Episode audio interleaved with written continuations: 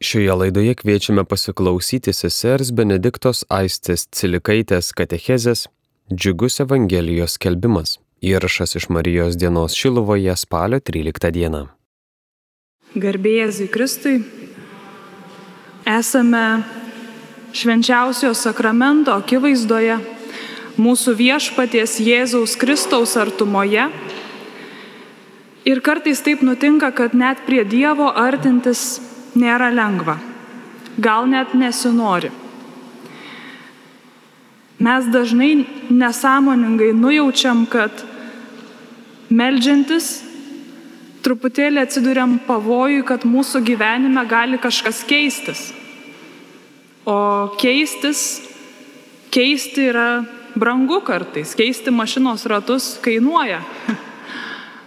Bet žinom, kad gerai, kai juos pakeičiam žiemai. Mūsų gyvenime pokytis irgi gali kainuoti ir nebijokim jį imti, nes džiaugsmas ir gyvybė, kurį jis atneša, atperka visas pastangas. Prisiminkim, kad net pas Dievą neinam vieni. Einam kartu su mylinčia ir švelniai mūsų užtarinčia motina. Melskim šiandien jos užtarimo, kad šią valandą nepraleistume veltui ir būtume pasirengę, kaip Paulius apaštalas sako, tinkamai atsakyti kiekvienam klausiančiam apie mumise gyvenančią viltį. Sveika Marija, malonės pilnoji, viešpat su tavimi. Tu pagirta tarp moterų ir pagirtas tavo sunus Jėzus.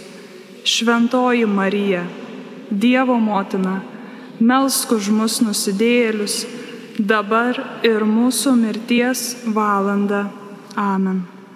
Te būna šis laikas vardant Dievo Tėvo ir Sūnaus ir Šventosios Dvasios. Amen. Spalio mėno, kuriame gyvenam, pirmiausia, mus kasmet pakviečia dažniau sugrįžti tikriausiai prie rožinio maldos Šiandien, būtent mėnesio 13 dieną, susirenkam čia į mums labai brangią vietą, į Šiluvą. Ir netrukus kreipsimės į mergelę Mariją Rožinio maldą, atneždami kiekvienas iš jūsų savo intenciją, su kuriomis atvažiavote ir su kuriomis jungiatės ar Marijos radio pagalba, ar žiūrėdami transliaciją. Mūsų arkiviskupijos šio mėnesio intencija yra už katechetus, tikybos mokytojus ir kitus bažnyčioje besidarbuojančius, kad šventoji dvasia įkvėptų džiugiai liudyti Evangeliją. Besirengiant maldai noriu Jūs pakviesti kartu mąstyti apie katecheto, tikybos mokytojo ir kiekvieno bažnyčios, bažnyčios sunaus, ar dukros misija - džiugiai liudyti Evangeliją. Drįsau užduoti savo ir jums tokį klausimą, ar Evangelijos liudijimas yra darbas ar pašaukimas. Ir iškart užbėgdama už akių noriu pasakyti, kad neskubėtume atsakyti į šitą klausimą kad tai yra arba tik darbas, arba tik pašaukimas. Nes tarsi klausimas tikisi iš mūsų atsakymo taip arba ne. Ir toliau remsiuosi vieno autoriaus, kuris Londone yra šiuolaikinės krikščionybės instituto direktorius Markas Grinas, mintimis, kurias jis dėsto savo knygoje Ačiū Dievui pirmadienis. Knygos pavadinimas jau kelia šypseną. Nežinau, kiek sąžiningai pridėję ranką prie širdies galėtume pasakyti, o ačiū Dievui pirmadienis. Visai būna. Gal kartais ir pavyksta. Ir kartu su autoriumi šiek tiek praskleiskime, iš kur kilo pats darbas, darbo prigimtis. Tik atsivertę Bibliją skaitom, pradžioje Dievas sukūrė. Pati pirma Biblijos eilutė, nenusiminkim, jeigu nesam pasistumėję labai toli su Biblijos skaitimu, šiandien pradžiai mums tos pirmos eilutės visai pakanka. Jis mums sako, pradžioje Dievas dirbo. ilgokai. Ne? 19 psalmė kūrinyje vadina Dievo rankų darbu. Šešias dienas Dievas dirba, septintą ilsisi. Jis yra tarsi, galėtume sakyti, darbininkas, kuris nusprendžia padirbėti savo norų. Jo nelaukia darbdavys, jam nebūtina uždirbti pinigų, kad pragyventų, kad išlaikytų savo vaikus ar galėtų išvažiuoti atostogų. Jam visko gana. Ir darbas yra jo plano dalis, atitinka jo šventą būdą. Ir negana to, Dievas padirbėjęs, galėtume sakyti, apžvelgia visą tai, ką sukūrė ir sako, tai labai gera. Žinoma, būtų gal nelabai protinga lyginti Dievo darbą, jo veiklą su mūsų užmojais, bet panašumo tikrai yra. Mes toliau šventą raštą skaitydami randam mintį, kad esam panašus į Dievą, sukurti kaip Jis. Ir Dievas dirba tarsi amatininkas.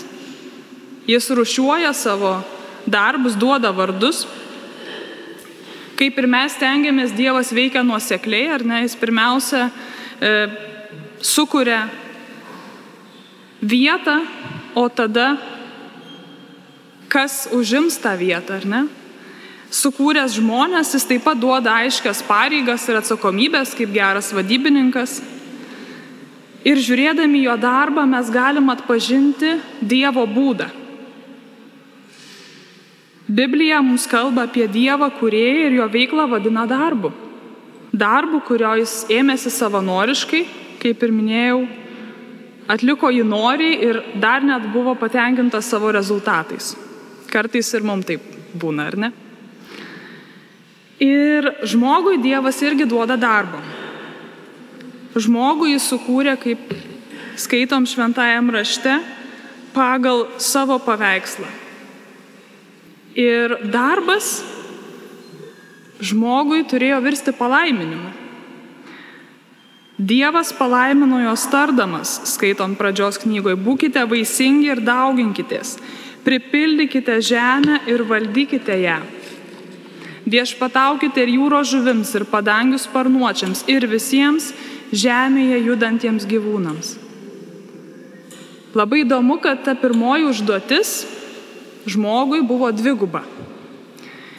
Ne tik įdirbti sodą, turbūt nemaža dalis esančių ir klausančių jau atsikvėpėte po šių metų sezono darbų, bet Dievas patikė ir žmogui atsakomybę rūpintis. Ne tik išnaudoti savo poreikiams, kad jis nebūtų alkanas, kad nesušaltų, kad kūnas būtų fiziškai pajudėjęs ar ne, bet ir saugoti, kad nesunaikintų. Bet svarbiausia mintis iš viso to ilgo šnekėjimo, kad mes atrastume ir prisimintume, kad darbas nėra nuopolio padarinys, kad, na, ką darysi, atsitiko nuodėmė ir dabar sunkiai reikia dirbti. Tai buvo pirminis Dievo plano sumanimas.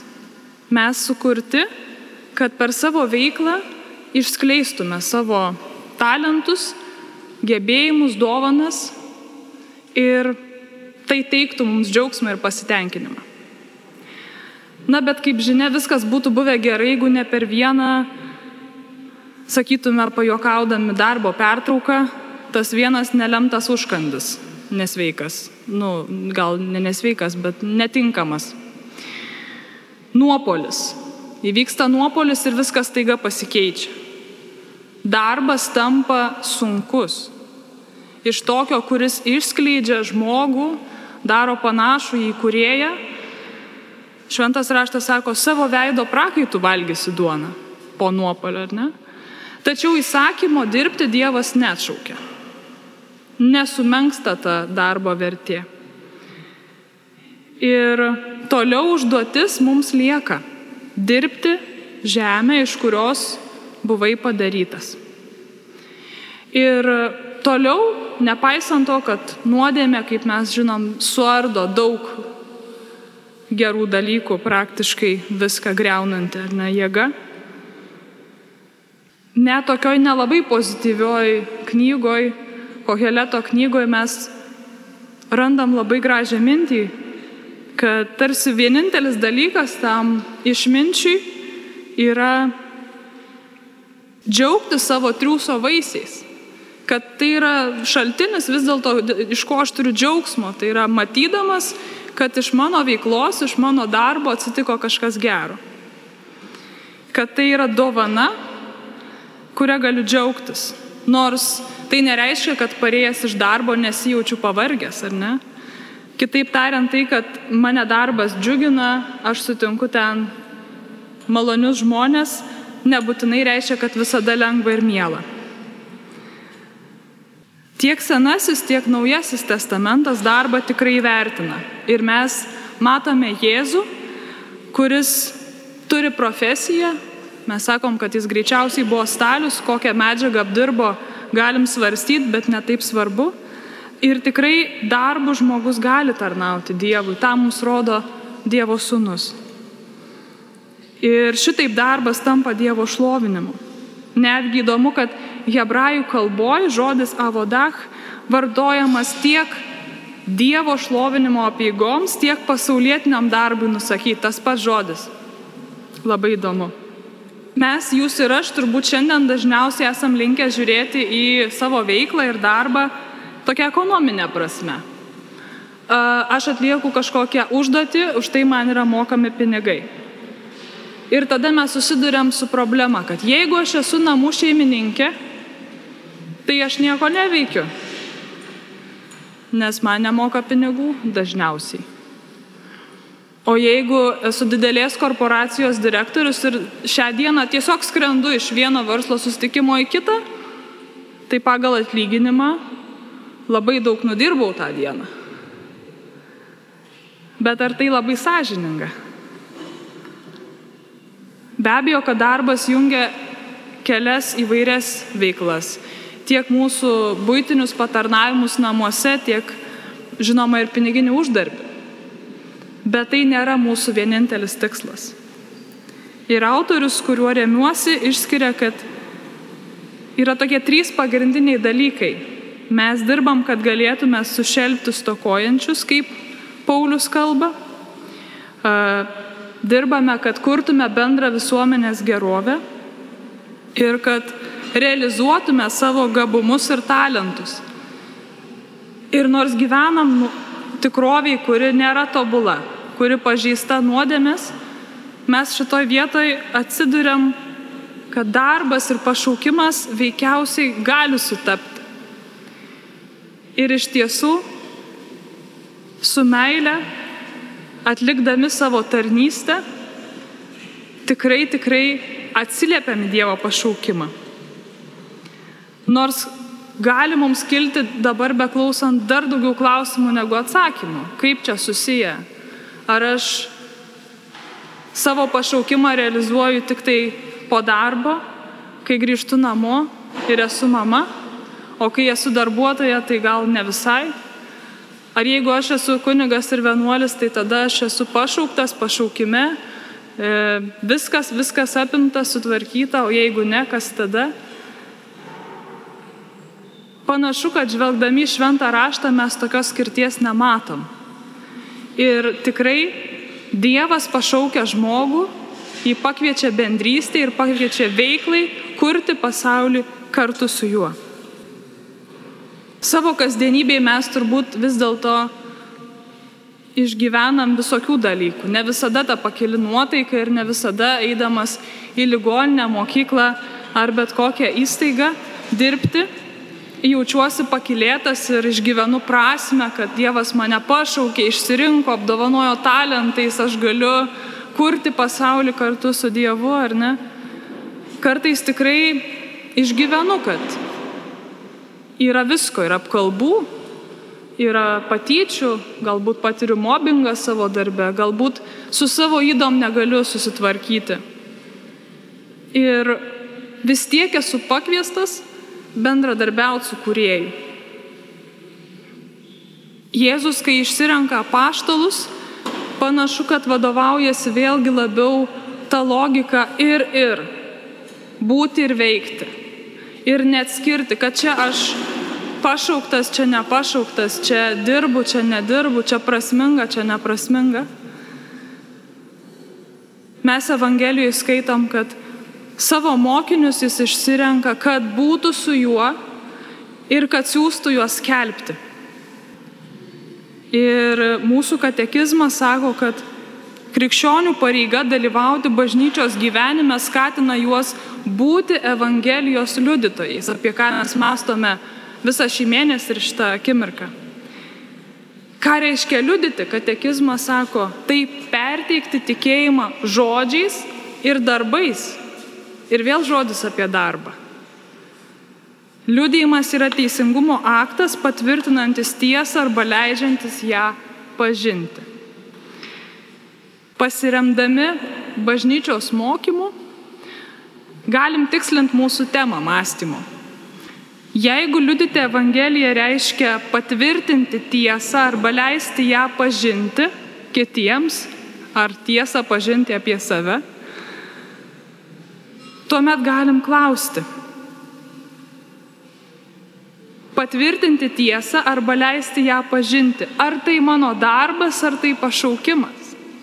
Kas aš bebūčiau - mokytojas, katechetas, kunigas, valstybės tarnautojas - visai nesvarbu. Ir mes taip labai labai apgraibom, labai trumpai panarstėm truputėlį tą šventraščio pamatą apie darbą, kaip būdą išpildyti savo pašaukimą.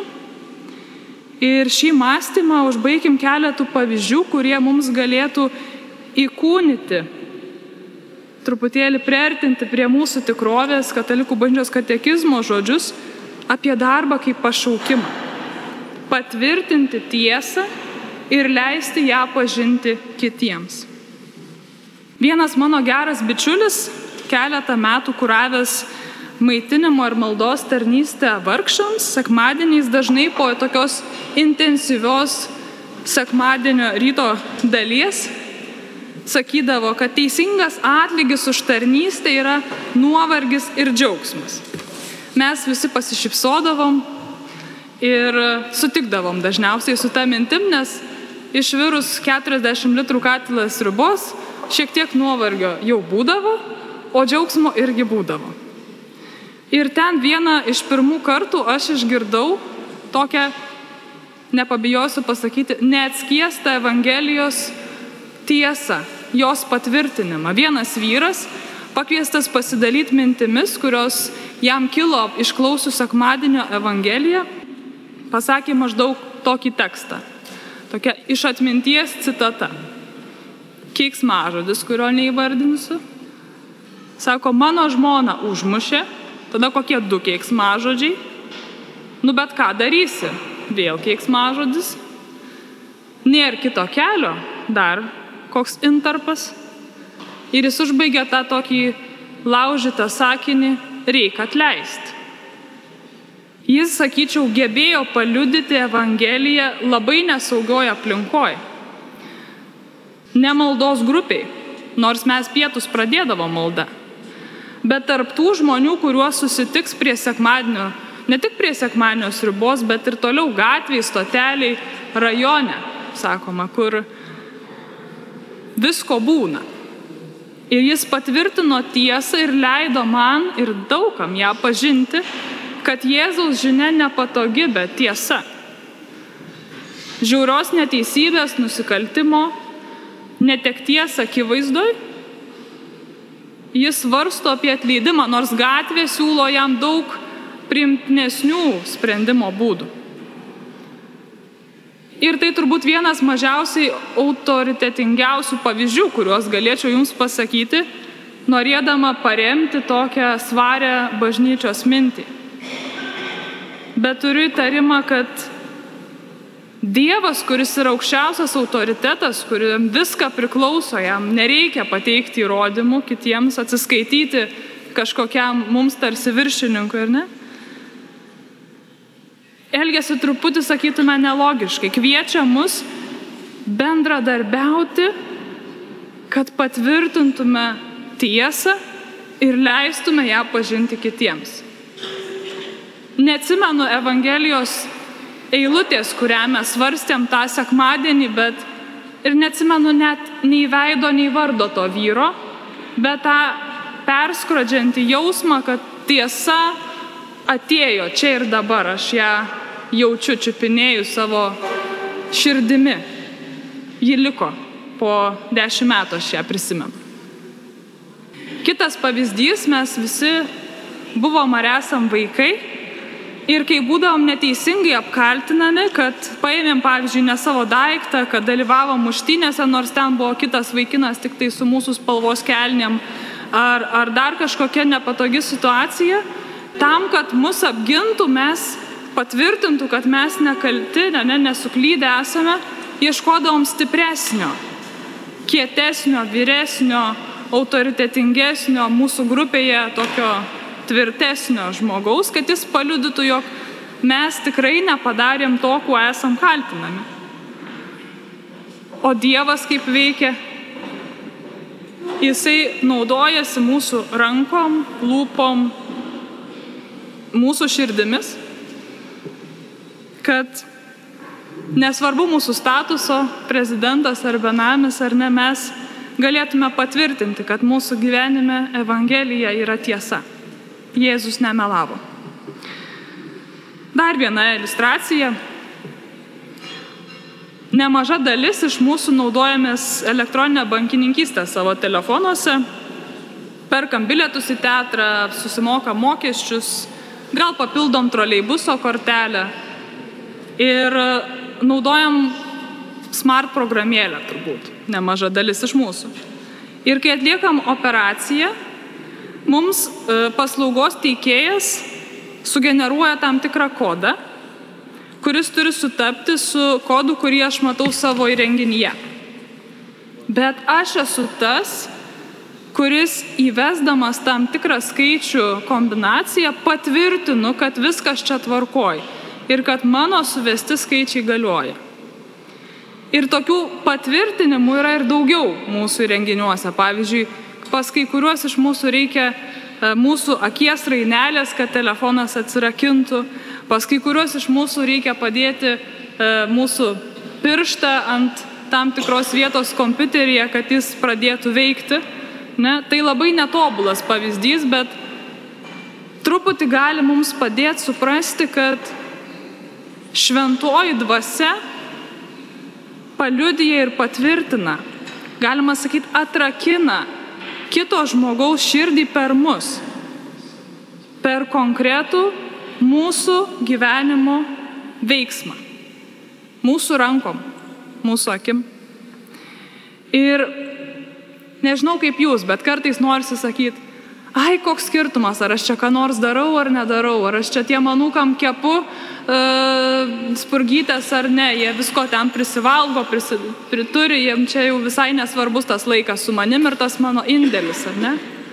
Netiesa.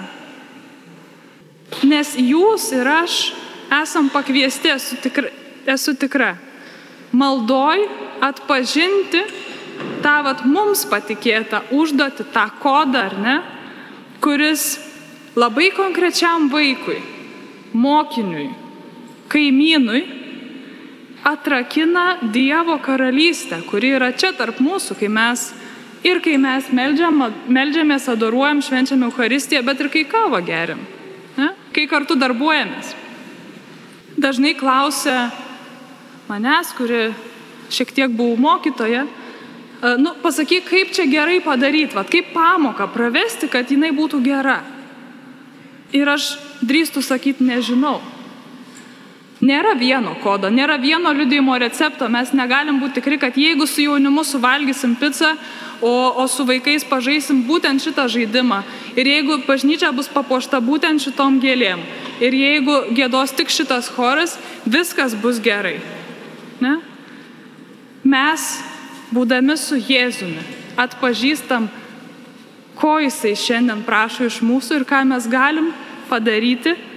Ir čia turbūt mūsų irgi namų darbas maldos laikui - atpažinti, kaip aš galiu tame dalyvauti ir būti tuo bendra kuriejai. Ir vietoj pabaigos, kai mane kviečia kaip seserį pasakyti savo pašaukimo liudijimą, aš einu man atrodo, norėčiau, kad eičiau daryti tai ir patvirtinti tiesą, kad Dievas tikrai mane pašaukė būti su juo ir savo veikla, savo darbu paliudyti jo meilę, atlaidumą, kantrybę, rūpesti, tai, ko reikia tuo metu. Bet einu ir leisti pažinti tiesą apie mane ir jei Dievas nori, gal ir apie jį. Pavyzdžiui, tokia tiesa, kad šiemet yra dešimt metų nuo to, kaip aš įstojau į vienuolyje, o kad padaryčiau amžinus įžadus, dar kažkam reikia stipriai pasimelsti. Nes tai nėra vienos dienos kelionė. Ir, ir dar daug, daug vietos, kur Dievas nuolankiai laukia mano patvirtinimo, kad tikrai verta viską dėl jo palikti. Ir aš tikrai žemai lenkiuosi prieš kiekvieną, kuris ištikimybei su Dievu esat jau ilgą laiką. Bet turiu įtarimą, kad nei šventimai, nei mano amžiniai įžadai, nei santoka, nei bet kuris kitas įsipareigojimas mūsų neišleidžia į pensiją nuo Evangelijos liudijimo darbo ir pašaukimo kad nuolat ir nuolat su džiaugsmu patvirtintume tiesą ir leistume ją pažinti kitiems. Taip apie liudijimą tas vienas sakinys, tai sako katekizmas. Kristus yra Evangelijos žinios centras. Jis šaukia mus darbuotis, kad patvirtintume, jog Kristus nemelavo ir kad mūsų gyvenimo nuotykis su juo netuščiai eina Ne? Visi, kurie čia esam, kurie jungiamės į maldą transliacijos būdu, tą galim patvirtinti. Jėzus prašo mus patvirtinti jo žodžius ne dėl to, kad turi problemų su savivertė ir jam kažkaip nedrasu, dėl to, kad tokį būdą bendradarbiauti su mumis jis turi užmojį mūsų pašaukimų. Ir netaip svarbu, ar aš esu mokytojas, ar katechetas, ar visai kitoj srity darbuojasi. Jis galioja tas pašaukimas visiems, tai galbūt mano žodžių kiekis tam liudijimui įkūnyti gali skirtis. Dievo nuolankumas pašaukia įdarbina mane ir mus liudyti, patvirtinti, kad Kristus yra tiesa. Ir dar daugiau, per mus jis leidžia kitiems save pažinti. Liudyti Evangeliją turim šansų, kai mumise prasišviečia, kad Jėzus įveikė mirtį. Ir aš neriu savo veikloje, nes neturiu pasirinkimo, nes neišgyvensiu. Bet iš tiesų kuriu kartu su tuo, kurį myliu, kurį pažįstu, kuriuo pasitikiu. Ir te būna mūsų sekmadienio poilsio vakaro malda užbaigta ramaus džiaugsmo kupinais žodžiais Ačiū Dievui, pirmadienis. Amen. Laidoje klausėmės sesers Benediktos Aistės Cilikaitės katechezės Džiugus Evangelijos skelbimas. Įrašas iš Marijos dienos Šiluvoje spalio 13 dieną. Likite su Marijos radiju.